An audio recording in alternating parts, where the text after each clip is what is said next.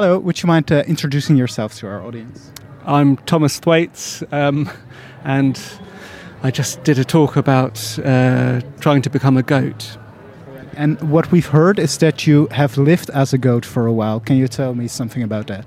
Yes, uh, I decided that human life was kind of too complicated and depressing, and I thought it would be lovely to take a holiday from being a human. And so I uh, went to visit a shaman, and she told me I should become a goat. And then I started visiting various academics to try and work out how to transform my body and mind into that of a goat. Right. So, uh, how does that work in practice? It's, you have been a goat. Did you live on a farm? Have you uh, stayed in uh, meadows?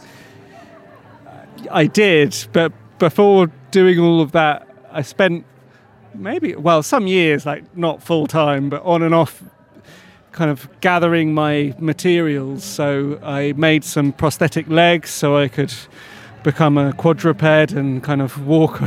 The dream was to gallop but it was quite difficult. So i had quad you know front front legs and back legs made by some doctors for prosthetics. And then I thought, well, I need to try and change my mind to be that of a goat. So I went to a neuroscientist and asked him to switch off my ability to use language and my ability to kind of think of the future and uh, kind of remember the past. And I also made an artificial rumen so I could not just eat grass but also digest it and then kind of put all of these objects together into this kind of goat suit, uh, goat exoskeleton, and then um, went to the Swiss Alps to live as a goat on a goat farm. Right, and uh, how long have you lived uh, as a goat on the goat farm? I was on the goat farm for kind of three days and three nights, um, and that was about all I could take. Um, but then after that, I promised that I would try and cross the Alps as a kind of wild ibex, and um, so that was another three days of um, kind of just going up, basically on four legs, just uh, yeah, trying to escape my human self. But after finishing this experiment, basically, would you say um, you succeeded in becoming a goat, or do you think you still uh, kept some of your humanity? Because humans are obviously very different from goats. Um, do you did you feel like a goat, or did you feel like a human dressed as a goat?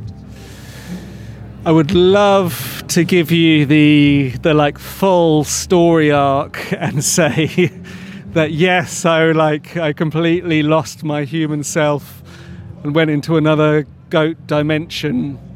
However, I realized I was kind of addicted to coffee and it was very cold and extremely painful being on four legs all that time. And all of that kind of got in the way of like, you know, trying to forget my human being. And so maybe fractionally I forgot my human self and the goat herd said afterwards that he thought the goats had accepted me into the herd.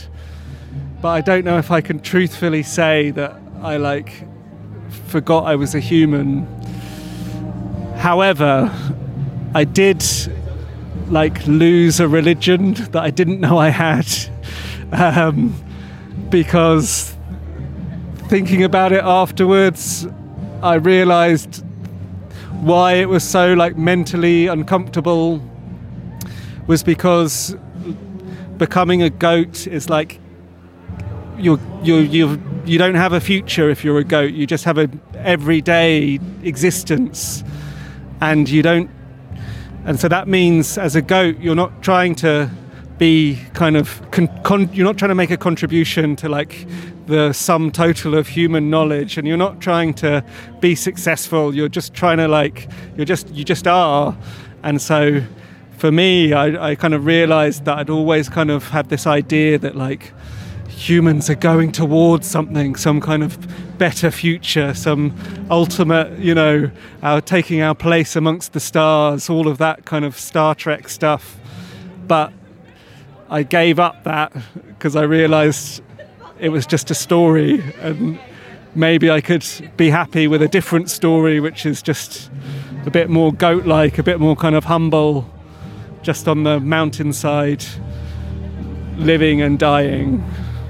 So you told me you wanted to escape the human existence a bit, and for that you turned into a goat for a while. Um, and both didn't really work, I think.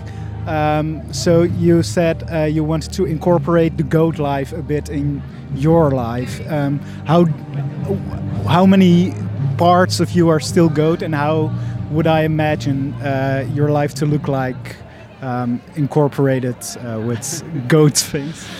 Yes, I think it. I can't say it's made me healthier. I can't say it's made me appreciate nature more. Um, but what I have taken is I have lost my belief in the future. So it's not a very happy, not a very happy realization. But you know, I guess that's uh, you know, that's fine if you're a goat. But any any benefits for your life right now? Anything you took away from it that you uh, used to improve your uh, current life as a human, or? Well, that's what I'm saying. The idea of like improving and progress is is exactly what becoming a goat put a stop to. and so, in a way, like maybe that's good. You're not striving to be better. You're not striving to like make a contribution. You're not, you're not striving for progress. You're just happier, just you know, living and dying, and, and maybe that's an improvement on this constant idea of becoming better. So I don't know. You, I'm not sure. I'm not sure if it's an improvement or not. Thank you so much.